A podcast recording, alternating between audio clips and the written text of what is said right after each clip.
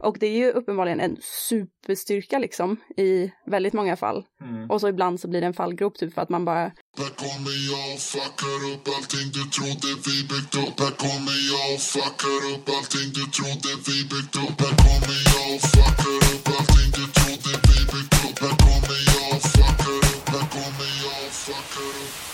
Hej och välkomna till podcasten Om och Men där vi reder ut det ni tycker är krångligt och krånglar till det ni trodde redan var utrett. Med mig Vincent Flink Amlenäs. med mig Beatrice Erkers. Yes, du Bea, länge sedan sist. Vad har hänt sen senast vi poddade ihop? Ja, faktiskt. Ehm, vad har hänt? Jag har ehm, eh, jobbat.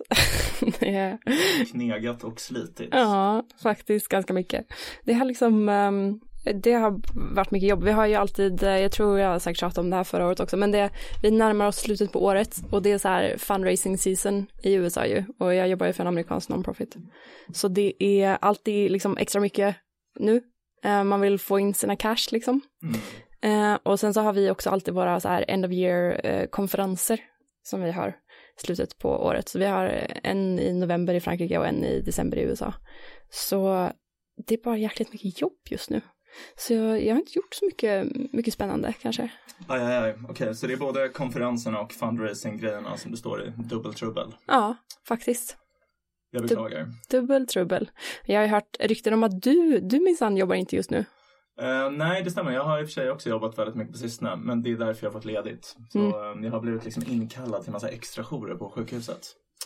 Och därför så har jag fått ledigt i två veckor. Så det är jag väldigt nöjd med. Fett. Vad, Ja. vad ska du hitta på nu då?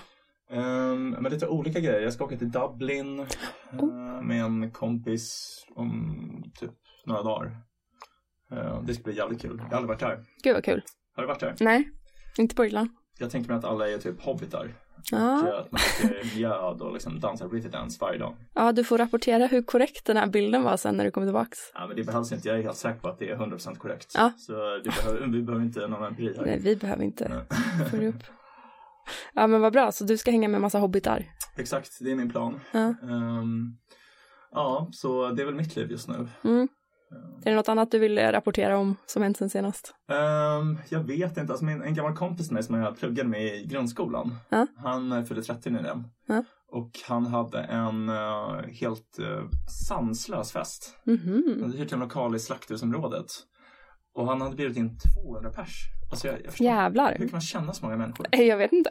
Det var bara hans vänner liksom. Oj. Alltså jag tänker liksom, jag planerade in nyligen ett bröllop och alltså vi kunde i och för sig inte bjuda så många som vi hade önskat. Men även om vi hade bjudit alla vi ville skulle vara där. Då hade det ju inte blivit i närheten av 200 personer. Säg att det hade blivit kanske 120-130. Mm. Och då var vi ändå två personer. Ja, men hade han sin släkt eller var det bara kompisar på festen också? Ehm, alltså hans föräldrar var där. Alltså jag vet inte, det kanske var någon släkt. Ja. Men ehm, det, ja, framförallt vänner skulle jag säga. Ja. Alltså 95% vänner liksom. Sjukt, men var det något tema eller vad? Ja, det var Matrix-tema. Oj. Så alla var utklädda. Eh, Men jag var den enda av 200 personer, åtminstone alla jag såg, som inte var utklädd. För Mm. att jag, kom, alltså jag kom direkt från sjukhuset, satte mig i en taxi från sjukhuset och sen tog jag en taxi hem vid typ så här nio, för jag började klockan sju dag- dagarna på. Mm. Så att jag liksom var inte med så mycket. Men eh, det var väldigt häftigt och väldigt uppstyrt, liksom, det jag fick vara med om. Mäktigt. Ja. Ja, jävligt coolt. Ja. faktiskt. Jag var på halloweenfest eh, här på kontoret i helgen. Ja. Vilket låter, det låter väldigt tråkigt med fest på kontoret. Men det var, det var faktiskt askul. Det var också helt sinnessjukt pimpat. De hade så här, um, det, alltså så här projiceringar på väggen så det såg såg ut som att folk kröp och typ toaletterna var aspimpade och Ah. det var liksom ja, det var, det var jävligt halloweenigt här. Ja. Eh, Rolig USP för en fest att det är jävligt bra toaletter. Kom inte festa med oss bästa toaletterna i stan. Men det är faktiskt, eh, det finns en, en restaurang i London som är känd för att ha riktigt nice toaletter. Dock är ju, den, den har ju nice inredning också, men eh, Sketch i London, de har väldigt spaceiga toaletter, alltså bokstavligt talat spaceiga, det känns som att man, det är så här små ägg, du vet, Ja, som man går in i och så är det bara ashäftigt där inne. Så det finns ändå någonting i det där. ja Men coolt. det är många som tar selfies på toaletter också ju, Mm, så det är lite smart. Jävligt smart. Mm. Jag ska till London snart och hälsa på en gemensam kompis. Just det, Ja, så då kanske vi får uppsöka den här äggtoaletten som du talar så varmt om. det får du göra. Ja, blir en selfie kanske? Ja, precis. Det, um, det tycker jag låter som en bra idé. Det borde vara ett huvud, eh, huvudsatsning när ni Exakt. åker till London. Toalettresor. Alltså jag är så, jag vill gå på den här ABBA-grejen i London. Vad är det för något? Det är ABBA, Avatar. Alltså att de är, de är, att- och Abba ger. men det är ABBA live, fast det är ju inte det, det är ju en projicering. Ah. Men det ska vara helt sinnessjukt bra. Ah, vad coolt, alltså som Tupac-hologrammet på Coachella typ. Ja, precis, fast nu är det ju, det var ju flera år sedan det där. Nu är det ju ännu bättre. Okej, wow. Jag Ja. hänger inte med. Fan vad Det är en hel konsert. Ja. Ja, men det, det får ni försöka få biljetter till. Ja, ja men lätt. Fan, jag har tänkt mycket på namnet Abba. Att det Mm. betyder pappa. Nej, jaha. Alltså på, eh, typ arameiska, hebreiska, jag menar. Aha. Alltså det är ju det som eh, Jesus säger om Gud. Ja, ABBA. Abba. Ja, undrar om det är medvetet eller om det bara är en slump. Det ska ju vara att det är Agneta, Björn, Benny, Agnefrid. Jo, men jag, Mm. det är så mycket jag har förstått. Ja, Men Mm. ehm, okej. men de kanske bara luras. Det egentligen är någon sorts religiöst. Ja, Men det. Björn är ju passionerad ateist. Ja, ah, just det. Okej, intressant. Men han kanske är undercover-kristen, liksom att han, han är så extrem i sin ateism så att han tänker att han liksom han tjänar liksom de religiösa för att han får ateism att framstå som så extremt konstigt. Mm, Det kanske Precis. liksom har genomskådat hela. det, ja, ja, you're on to something. så måste det vara. Ja, men där har vi. Känns som vi snackar mycket skit om vår podd. Alltså vi... det är Ja. lite taskigt. Det Okej. känns som att han kan ta det. Ska vi typ eh, glida in på dagens ämne, eller vad säger du? Absolut. Eh, autism, eller hur? Det är dagens ämne. Vi har läst en bok som heter Mönstersökare Mm. av eh, Simon Baron Cohen. Sacha Baron Cohens brorsa. Exakt, Borats bror. Ja. Känns som. Ja. Eh, toppenbok. Ja, ja, helt okej. Vad tyckte du? Eh, helt okej. Ehm, det är intressant. Jag tycker det är väldigt intressant med autism generellt. Eh, och ehm, det var en del grejer som kändes som att så här, alltså jag kan ju inte så mycket om, om ämnet så. Men eh, så det var intressant att liksom lära sig lite mer generellt. Sen så, ja, jag har några grejer jag irriterade mig på bara. Det- som, som det här med att han pratar väldigt mycket om tåg alltså. Mm. Det är en besatthet. Eh, Man får ju intrycket att han själv är lite Ja. autistisk, eller hur? Ja. Alltså att han, verkligen. sättet han skriver på liksom. Ja, Alltså, ja. Ja, nej men det, så boken heter ju Patent Seekers How Autism Drive, Drives Human Invention på engelska.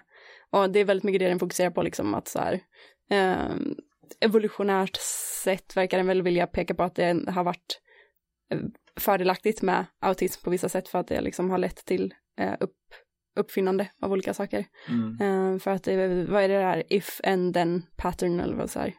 Mm. Eh, om jag gör så här och sen gör så här så kommer det här att hända. Typ att det är eh, så uppfinningar sker och att det är autister framförallt är väldigt, väldigt bra på att ja, men, nörda in sig så pass mycket på saker och söka mönster i saker att de Ja. eh, helt enkelt eh, lyckas ta saker till nä- nästa level. Så han tar liksom, ja men Carl von Linné som ett exempel till Mm. exempel. Så han, är ju, han var, eller var ju besatt av att organisera saker Mm. kan man ju säga Verkligen. Verkligen mönstersökare deluxe. Det tyckte jag var lite kul. Jag har inte tänkt på Linné som liksom autist, men, Mm. men när han beskrev det kände jag, åh gud ja, det är ju verkligen. Han var ju eh, extremt eh, autistisk. eh, Ja. Verkligen. Alltså att han ville systematisera allt. Alltså, för han är blivit känd för växter. Ja. Men han systematiserade ju allt.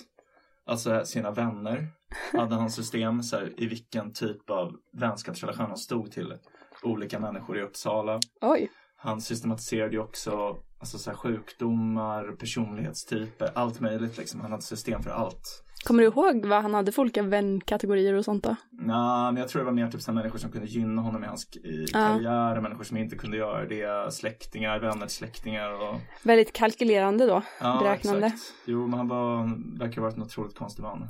Det framstår ju som ganska osympatiskt på många sätt. Ja, jag tror inte han var världens bästa person. Nej. Så, så. Men det känns inte som att de, de man kommer ihåg från historien, känns inte som, som det. Han tar ju flera exempel, han tar ju, vad heter han också, han som uppfann the lightbulb, Edison. Thomas Edison. Ja.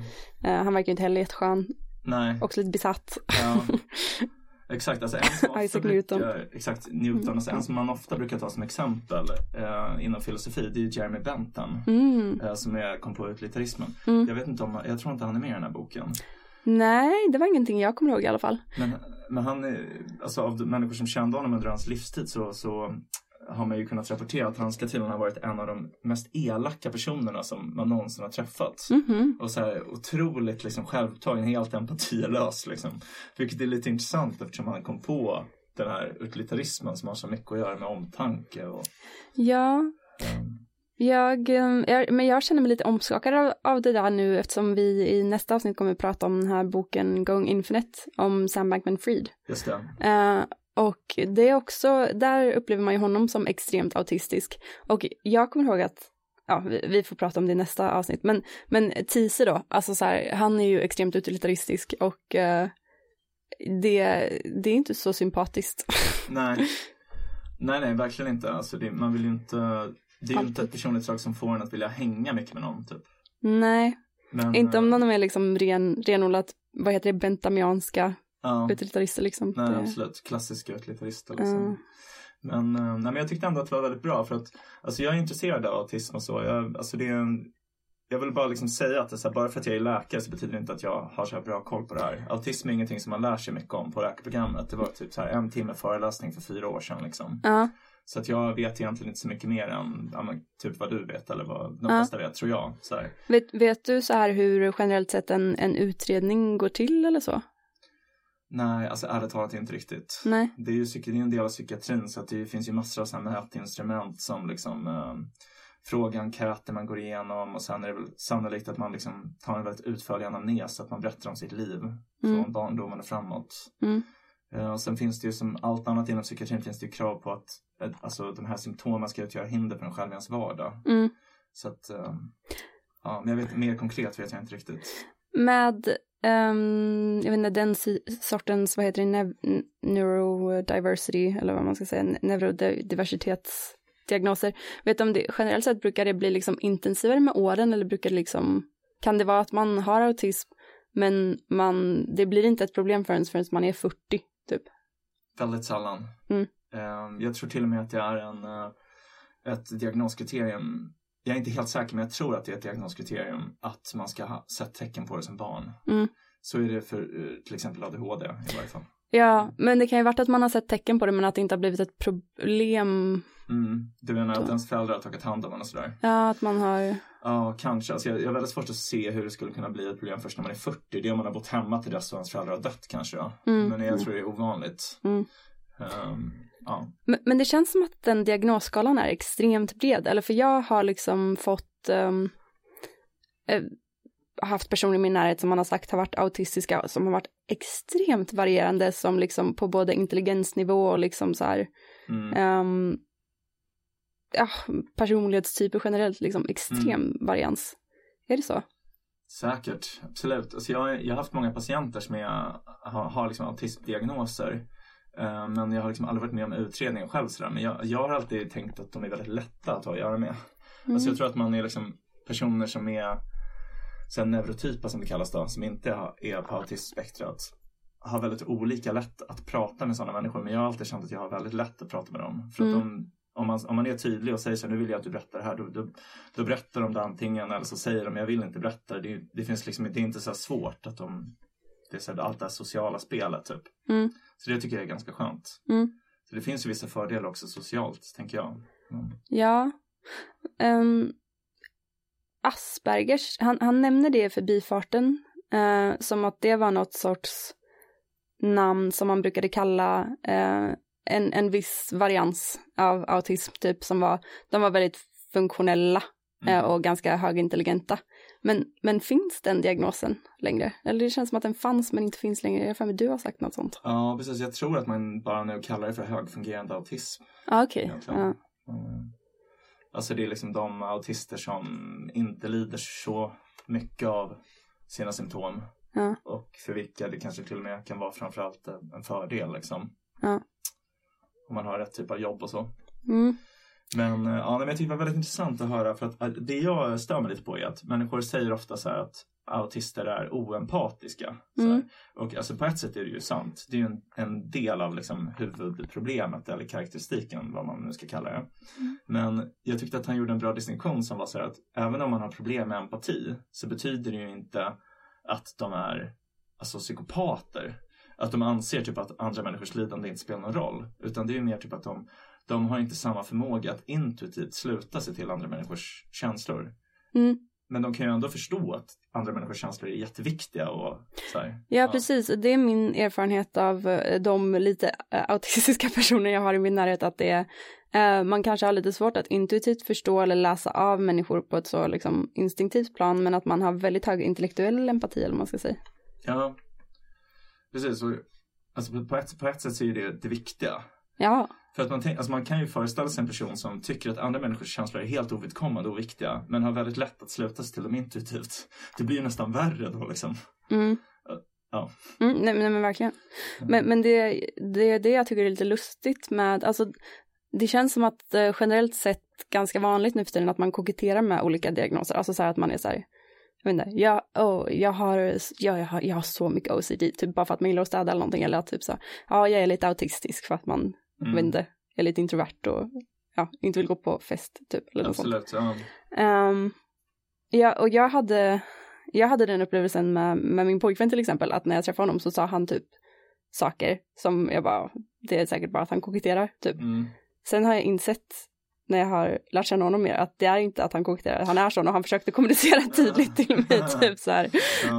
Eh, men Du vill inte lyssna. Mm. Ja, nej men jag trodde verkligen att det var, ja som sagt, koketterande. Men så det där kan ju vara lite, eh, att man blir lite eh, tagen på sängen eller nej vad heter det? Jag vet inte. jag vet inte vad du pratar om. va, ta, Men, alltså du menar liksom att det är man blir lite som- förvånad. Ja du menar så. Jag tänker att det är lite så här som, vad heter den här pojken som skrek varg? Ja, precis. Att det är så många som eh, säger att de har lite autistiska drag så att sen när man träffar någon som väl har det som också säger att man har det så Ja, tänker man, ja men du är bara en av de här personerna som hittar på. ja Och så bara, nej men okej du var inte det. precis. Och, men- och det är svårt att säga någonting om att så här, det är inte så att jag, eh, det är svårt att säga att nej det är fel att eh, säga så som folk, alltså att man eh, använder uttrycken ehm, lite slängigt. För det känns så himla överdrivet att göra det till ett, ehm, liksom att det är jätte, jättefel eller någonting. Ehm, men samtidigt så är det, det ja, det, det förstör syftet lite. Ja, Ja. men jag förstår vad du menar. Nej, men, eh, det är intressant överhuvudtaget hur liksom, det psykiatriska språket har blivit så vanligt förekommande i vår vardag. Ja, Att man använder sig så mycket av det, alltså, som till exempel ätstörd och så här, bara för att beskriva nästan alla människor. Då undrar man liksom vad betyder då egentligen de här orden då? Om de går att applicera på nästan alla typ. ja att alla Så- ger typ sig själva och andra i sin närhet de här diagnoserna typ Exakt. på hobbynivå. Eh, Det blir liksom lite urvattnat språket lite. Samtidigt kan jag förstå att man använder dem för de beskriver ju något som, alltså jag menar de fungerar ju bra. Människor förstår ju vad man menar när man säger ett visst ord. Ja, Eh, och det är ofta funktionellt till viss del också, att man så kan förstå att även om det inte kanske är så, så här extremt så kanske det finns så här delar i det som man kan säga, okej men jag förstår den här personen lite bättre Mm. eh, och att det kanske finns eh, saker i behandlingsmetoderna som man kan också få reda på som man kan dra nytta av även om det inte är så att det är på en så extrem nivå som Mm. att det blir en diagnos. Ja, exakt. Nej, men det, är- det är en bra poäng. Alltså jag tyckte apropå att det var väldigt intressant när han gick igenom alltså så här, tecken på autism. För att det var många saker som jag minns att jag hade som barn. För att jag tänker att Alltså alla barn har ju lite autism. Alltså man är inte, det är ju massa saker som inte är färdigutvecklade när man är barn. Ju. Mm. Så här, till exempel att man är väldigt svårt att avgöra när människor vill, alltså vad de vill prata om. Eller hur? Mm. Hade, kände du också det som barn? För det, det kände jag nästan varje dag som liten. Liksom.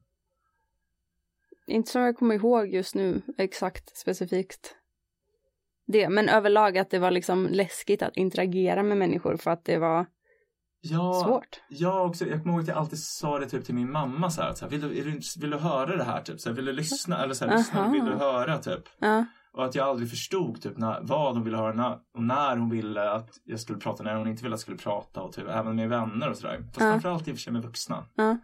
Men eh, för det känner man ju liksom väldigt sällan nu mera. ja, Att, nu, för nu märker man ju när någon inte vill lyssna. ja, ja, men det är väl så, man har väl tränat upp sig på olika sätt. Ja, men det måste vara väldigt jobbigt tänker jag, att som, också som vuxen hela tiden känna så. Det måste vara otroligt påfrestande, alla sociala situationer liksom. Ja, det det var ju ganska så här, just när det har blivit just autism känns som att det har blivit en lite så som sagt, um, ja men koketterande eller lite så här trendig, um, eller den har fått ganska positiv ton på, på vissa sätt i, men det finns någon serie på, på Netflix som heter Atypical tror jag som handlar om liksom en autistisk kille och det är många, um, många um, kända karaktärer, jag vet inte, Saga Norén, länskrim i Bron, att hon Mm. är typ lite autistisk eller att Verkligen. Eh, ja, men många av de här liksom stjärndetektiverna i eh, olika, typ Sherlock liksom, Ja, eh, väldigt autistisk. Ehm, så att det har fått liksom ett så här lite superhjältedrag över sig. Ehm, men det var intressant också just det här när han beskrev någon, ja men så här någon som bara var extremt autistisk, inte kunde få ett jobb, bodde kvar med sina föräldrar och liksom hade försökt ta livet av sig för att han tyckte liksom att det var, han kände sig så jävla värdelös liksom, att han inte kunde få vara med och bidra. Han ville inte bo hemma hos sina föräldrar liksom. Han ville klara sig själv. Ehm, ja, men just det här att det verkligen är en problematik också för många. Och att det är, eh, han använder ett väldigt bra intryck tror jag, det här med att ehm, ja men put a fish in the water and it swims eller vad man ska säga att det är. Mm. Ehm, men uh, ja, you can't judge, uh, skitsamma. Eh, just Det var, en- det var en dansk autistisk man som sa typ att man är anpassad för olika Alltså, Ja. Vissa är sötvattensfiskar, andra är saltvattenfiskar. precis, Och, så var det ja. eh, om man sätter liksom en saltvattenfisk i sötvatten så eh, kommer den liksom att eh, torka ut. Precis, ja, men just att, så här, att autister, de, behöv, de har sina extrema styrkor. Um, särskilt de här väldigt extrema då som kanske har väldigt svårt med det sociala. Men, uh, men att om, om man sätter den i rätt miljö så kan det bli, att det verkligen får bli en styrka. Medan om man sätter den i ett, en normcore miljö så, så blir det en, en svaghet. Mm. Nej men verkligen, så är det verkligen. Alltså jag tycker man träffar på ganska ofta personer som man tänker uh har väldigt svårt för det här normala sociala spelet. Mm. Men är väldigt bra på något. Alltså dels inom typ EA. Mm, Eh, men också typ på mitt vanliga jobb. Alltså Mm. typ någon högst uppsatt kirurg. mm, Eh, så man märker det så här, man pratar om kirurgi så är de liksom jätteinne i det och liksom på jättebra humör. Det är jätteintressant. Men så fort man byter ämne till någonting annat så bara blir det jättekonstig stämning typ. Mm. Att det är så här, man har sina grejer som man inte, så här, tekniska saker som man är intresserad av och gärna pratar om. Men när ämnet går över till något annat så är man liksom fish out of water. Bara, Det Mm. blir jättekonstigt. Mm. Ehm, så. Men jag tänker man kan ha ett väldigt bra liv ändå. Så. ja, precis. Eh, förhoppningsvis liksom om, om man kan hitta rätt förutsättningar. Ja. Ja, nej men eh, spännande bok. Jag tyckte, jag tyckte den var väldigt bra faktiskt. Mm, vad bra. Vad kände du, vad liksom var the main point som var nya som du lärde dig om autism då?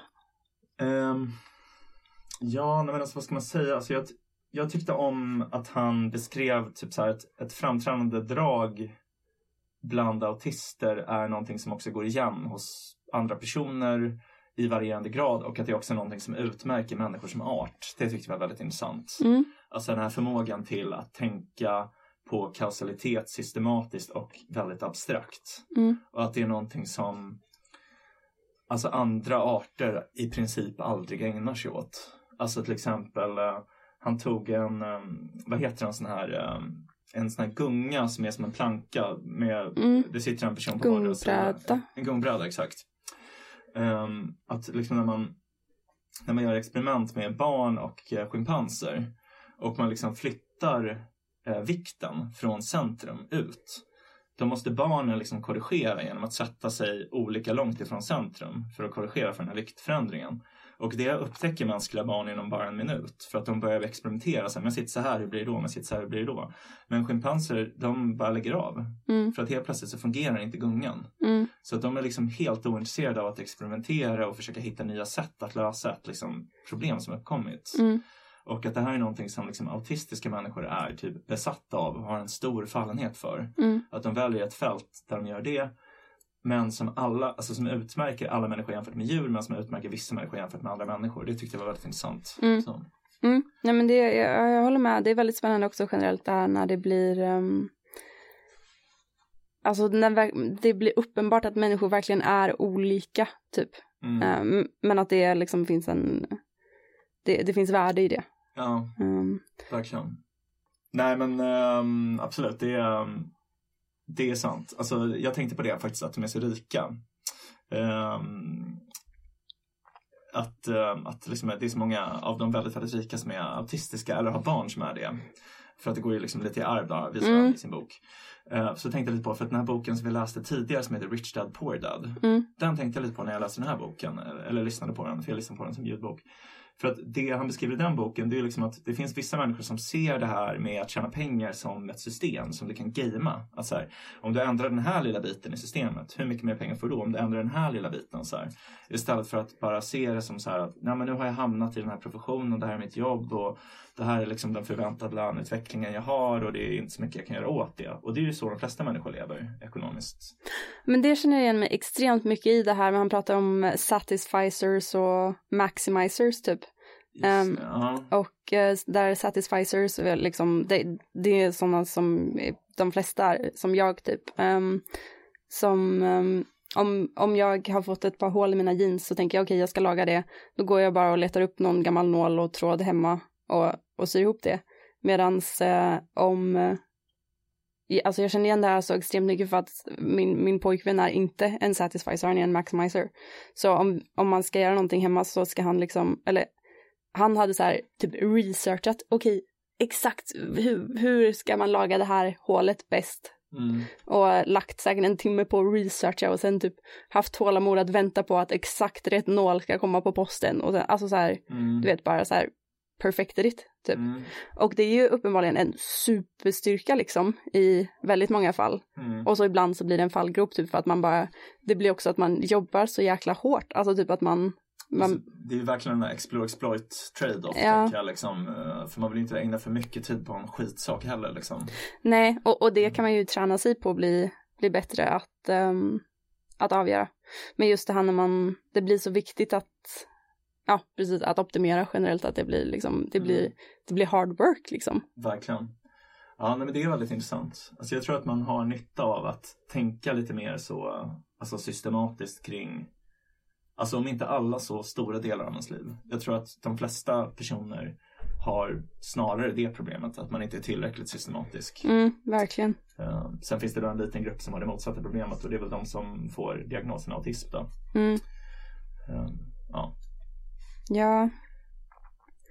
Ehm, men vilka, har du några tankar på liksom så här uh, systematiseringsmekanismerna i verkligheten, vilka man ser det hos framförallt? Jag tänker att det är så här typ ingenjörer, progra- programmerare, Mm, ehm, ja men stämfolk generellt. Eh, absolut. Ja. Och det, och det var ju också intressant att det var så himla, som du sa, genetiskt också innan, att man kunde ofta se typ att det var högre, hö, om, om din pappa har varit ingenjör så är det typ högre sannolikhet att du är, lite autistisk. ja.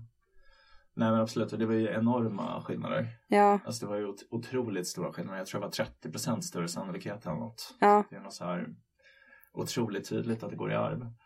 Eh, Men det, alltså jag, vet inte, jag tycker inte att det är så förvånande eftersom autism är egentligen bara ett sätt att beskriva en viss personlighet. Och jag menar alla som har träffat sina vänners föräldrar, är- för dem är det ju uppenbart att personlighet går i arv. Jag tycker liksom, alltså nästan alla gånger jag har träffat mina vänners föräldrar så har jag tänkt så här, ja men det här är någonting som är likt. mm, Det finns undantag men de är få. Mm. Ja, ja, jo, så är det väl kanske. Jag, eh, jag tycker ofta jag blivit förvånad över att folk ändå är ganska olika, men, men det, jag tror också att det är nu när man blir äldre eh, och folk blir likare sina föräldrar när de blir äldre.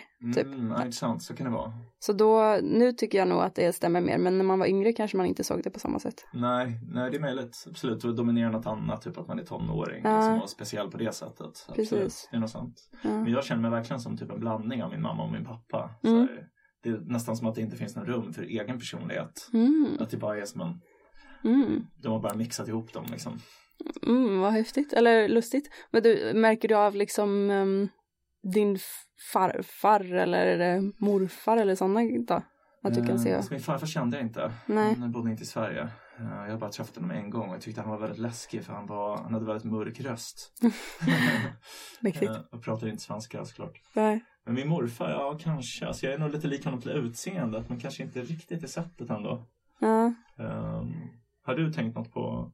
Ja, men för jag kan tycka att det är lite kul att tänka, för det tycker jag är ännu häftigare att jag har ärvt saker från farmor. Typ. Alltså så här, Ja, ja, att ja. det, jag kan, det är vissa saker som jag kan säga, ja det är farmor. Typ.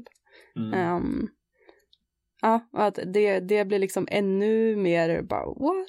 Än, att jag tycker det är jättekonstigt att man har fått från sina föräldrar bara, alltså så. Ja. Men Vad har du ärvt av din farmor? Jag blir nyfiken. äh, lite Ja, personlighetsdrag. fattar. Ja, som jag kan se. Spännande. Ja, och lite när jag tittar på bilder på henne när hon var ung kan jag se Ja, äh, just det. fysisk likhet. Jo. Ja, min farmor och hennes syster var väldigt lik. Alltså de två var väldigt lika mina kusiner som Mm. också är systrar. Mm, Nästan identiska om man kollar på gamla bilder. mm, Det är märkligt som fan. mm. Verkligen. Ja, nej men, eh, alltså, jag, ja, men jag tyckte det var, det var ändå ganska mycket som jag, alltså när de gick igenom autistiska drag, var ganska mycket som jag kände igen mig. Men sen samtidigt kände jag liksom att när de väl tog exempel på personer så tänkte jag gud, de här personerna är så långt ifrån en själv. Alltså, Det var väldigt extrema exempel. ja exakt. Ja. Ehm, så att jag, liksom, hur, hur kände du när du läste boken? Kände du så här, gud jag är lite autistisk? Eller kände du? Nej, jag kände mig ehm, ganska oautistisk, vilket jag också, vi, vi har ju gjort det här personlighetstestet Exakt. eh, och det bekräftar att jag var ganska oautistisk faktiskt. Ja, intressant. Um, vilket är intressant. Jag har nog tänkt att, men det är nog att man har tänkt kanske ehm, att man har blandat ihop lite att vissa saker är socialt jobbigt med att, jag vet inte, vara någon sorts neurodiversitet eller någonting. Jag hade nog tänkt att jag skulle vara lite mer autistisk än vad jag, vad jag var. Mm, Men jag var mm. verkligen inte, inte det. Ehm, men, men du kände så? Um, alltså, jag vet inte, ska vi, ska vi eh, gå igenom de här testerna kanske? Mm. Det kan vara kul. Alltså, det var liksom, först var det ett test för hur systematisera, eller så här, hur hög systematiserande uh, alltså systematiseringskvot kan man det, typ. Mm. Och sen var det en liksom, emotionell kvot eller empatisk kvot. Och sen skulle man liksom, genom att räkna ut differensen mellan de två, alltså den systematiserande kvoten minus den eh, empatiska eller vad man ska kalla den. Mm. Då får man ut liksom en personlighetstyp. Så här, hur är balansen mellan systemtänkandet och liksom det empatiska emotionella tänkandet. Mm.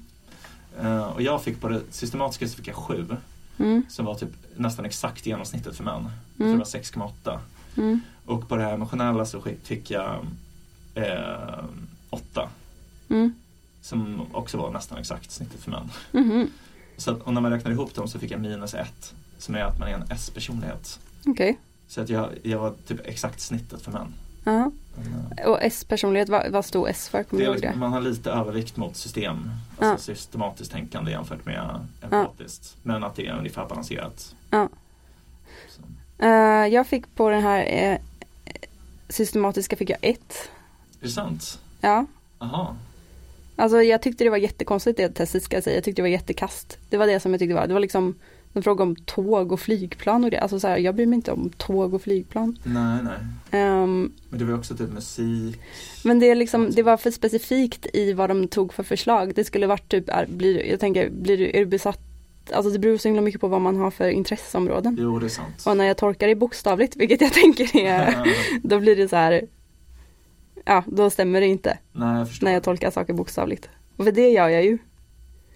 Ja, du, du kanske är för autistisk för att, Ja. för att det är utslag på, på det här testet liksom. Ja. Eh, men så jag fick ett då och på det andra fick jag emotionella då fick jag 13. Så då blev jag minus 12 och blev en typ E. Jäklar vilken skillnad alltså. Ja. Men eh, du fick ju mycket högre än vad jag fick på det här emotionella också. Mm. Så du, så du kanske ändå säger något eller liksom Ja, nej men alltså jag tror ju Ja. absolut att det, jag tror ju att det, Men det var jättestora skillnader statistiskt för män och kvinnor också. Ja. Så framförallt på det här emotionella var det ju väldigt stora skillnader. ja, För det systematiska tror jag att det var att kvinnor i snitt har typ en dryg poäng mindre. mm, Men på det här eh, emotionella så var det ju nästan tre poäng mer i snitt för Mm. kvinnor. Så det var ju framförallt det som skilde. mm, Eh, att kvinnor bara är mer empatiska typ. Men det, ju, det går ju väldigt mycket ihop med ens egen erfarenhet också. Liksom, att, ja, verkligen. Det är nog Ja. intressant. Ja, nej så um, det var, det var så jag fick. ja, spännande. Ja, Men det är, alltså det är Alltså det, det här med typ skillnaden mellan könen tyckte jag var otroligt intressant. Det är, Ja. det alltså jag menar, det är evolutionärt lite konstigt att det är så, eller? Så här, vad, är, vad är syftet med det? Varför skulle kvinnor vara så mycket bättre på det ena och, eh, Ja men det är väl, jag vet inte, det känns som att är, man är ute på, jag vet inte, farlig mark. Men det är väl eh, att det ska vara, att kvinnor ska vara omhändertagande då, vill ta hand om Ja. barnen och det nära i familjen och så och att eh, mannen får hantera det, mer den eh, organisationen på det stora planet eller vad man ska säga. Ja, bygga tåg och Ja precis, bygga tåg, nej men så åka tåg och fundera ja, på tåg. precis, Ja. bygga hus, eh, se till att ehm, man får mat eh, på bordet eller något, jag vet inte. Det är alla kvinnan i och för sig också. Ja, nej men intressant. Alltså för att jag tänkte typ, det händer ju väldigt sällan att man typ sitter i en grupp personer och pratar. Eh, och sen går man ut. Och säger att det är typ så tre tjejer och en kille. Och så säger killen typ så här, oh, men gud undrar hur de tänkte så här. Vad tänkte hon när jag sa det här? Herregud, fan hon måste. Och alla tjejerna bara, nej men vad, det är klart de inte tänkt så. Typ så här. Det är ju alltid tvärtom. Att det är Mm, någon tjej som har plockat upp. mm, Ja men gud, vänta, hur tänkte den här? Eller, eller hur? Det är ju Mm. all, nästan alltid en tjej liksom. ja, Det- Man har liksom helt olika förmågor typ. mm. Men, ja. Nej men jag, jag håller med om och det är nog någonting jag inte har ja, men fattat förrän nu på senare år typ, eller, eller snappat upp på liksom.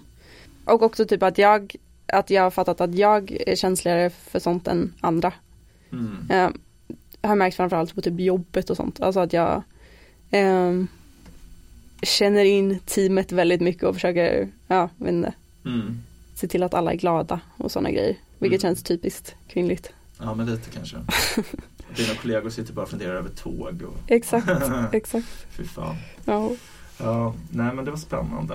Mm. Ja nej, men alltså jag har inte jättemycket mer att säga om den här boken egentligen.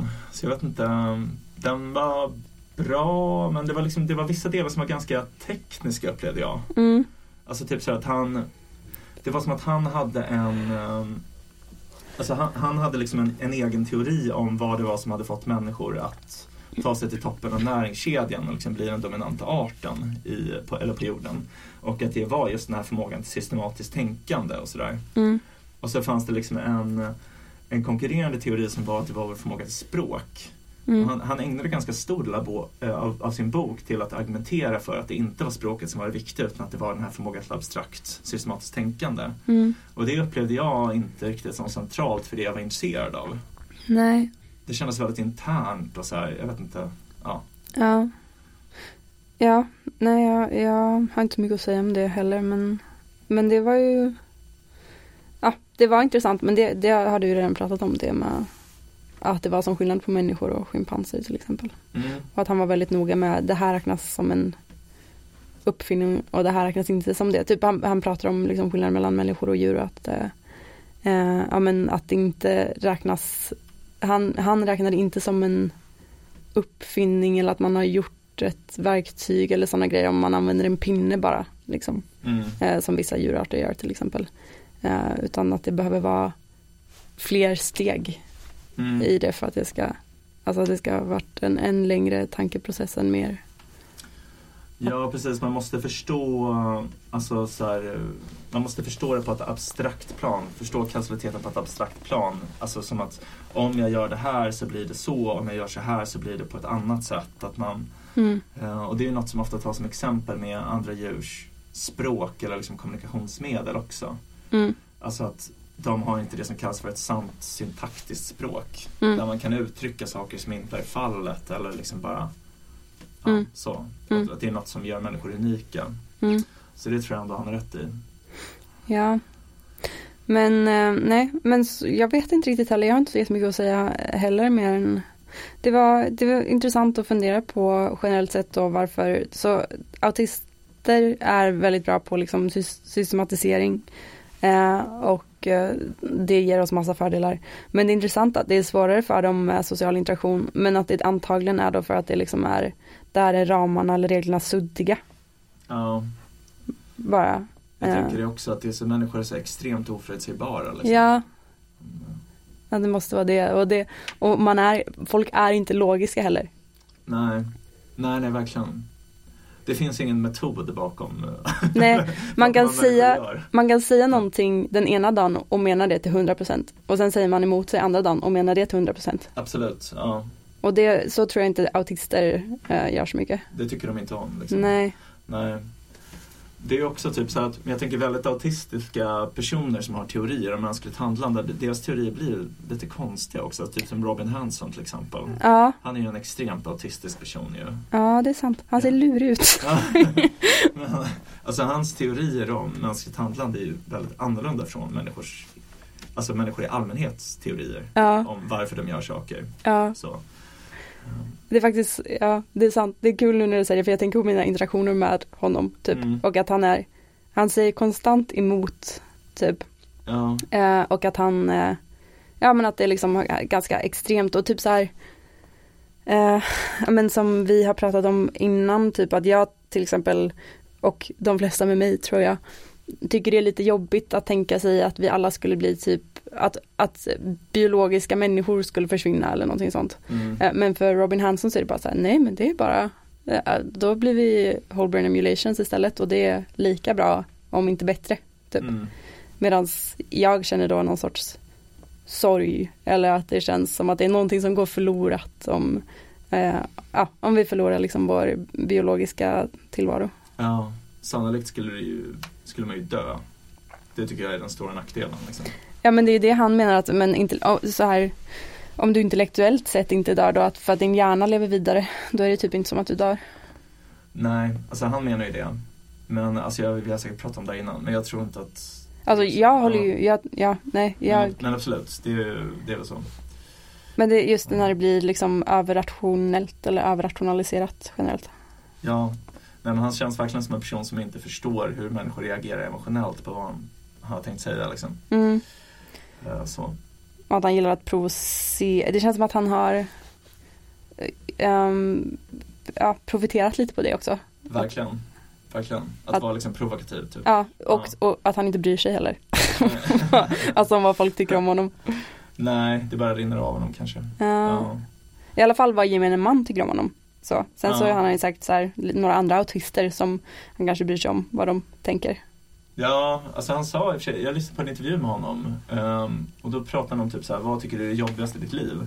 Och det var han typ så här, nej men det är när människor inte tycker om mig, typ så här rejection. Mhm. Eh, och det var, och då, jag tror det var Lex Friedman som gjorde den. Mm. Och han var typ så här, eh, alltså intervjuade honom. Och han var så här, men du var oväntat för att du, det är klart att du måste ju vara med om det här hela tiden med tanke på dina Mm. idéer. Mm. Och då var han så här, bara, nej men det är det värsta jag vet. Typ. Det, är, det är hemskt. Så här, jag har tyckt sedan jag var barn. Så, Oj, ja men det är verkligen otippat. Ja, Men då, det är också, det, det, blir, det är ändå ännu mer intressant att då försöker han få folk att gilla honom. Det-. Ja, Ja. Stackars Robin Hanson. Ja, Ja. ja. Jag tycker i varje fall om honom. ja vad bra. Så. Men fint att Robin Hanson fick en comeback här i podden. Det var ändå länge sedan han ja, nämndes. Exakt, ja men det var fan, eh, det var en värld. Ja, absolut. Men ska vi typ kalla det ett avsnitt? Eller Ja. säger du? Ja men vi gör det. Ja. Snackar vi ännu mer autism i nästa avsnitt kan jag tisa. Exakt, stay tuned. Mm. Uh, härligt, med de orden så får vi tacka er kära lyssnare för att ni har hört ännu ett avsnitt av podcasten Om och Men där vi reder ut det ni tycker är krångligt och krånglar till det ni trodde redan var utrett. Nästa vecka kommer vi prata om någonting. Helt sjukt. Yeah! Här kommer jag och fuckar upp allting du trodde vi byggt upp Här kommer jag och fuckar upp allting du trodde vi byggt upp Här kommer jag och fuckar upp allting du trodde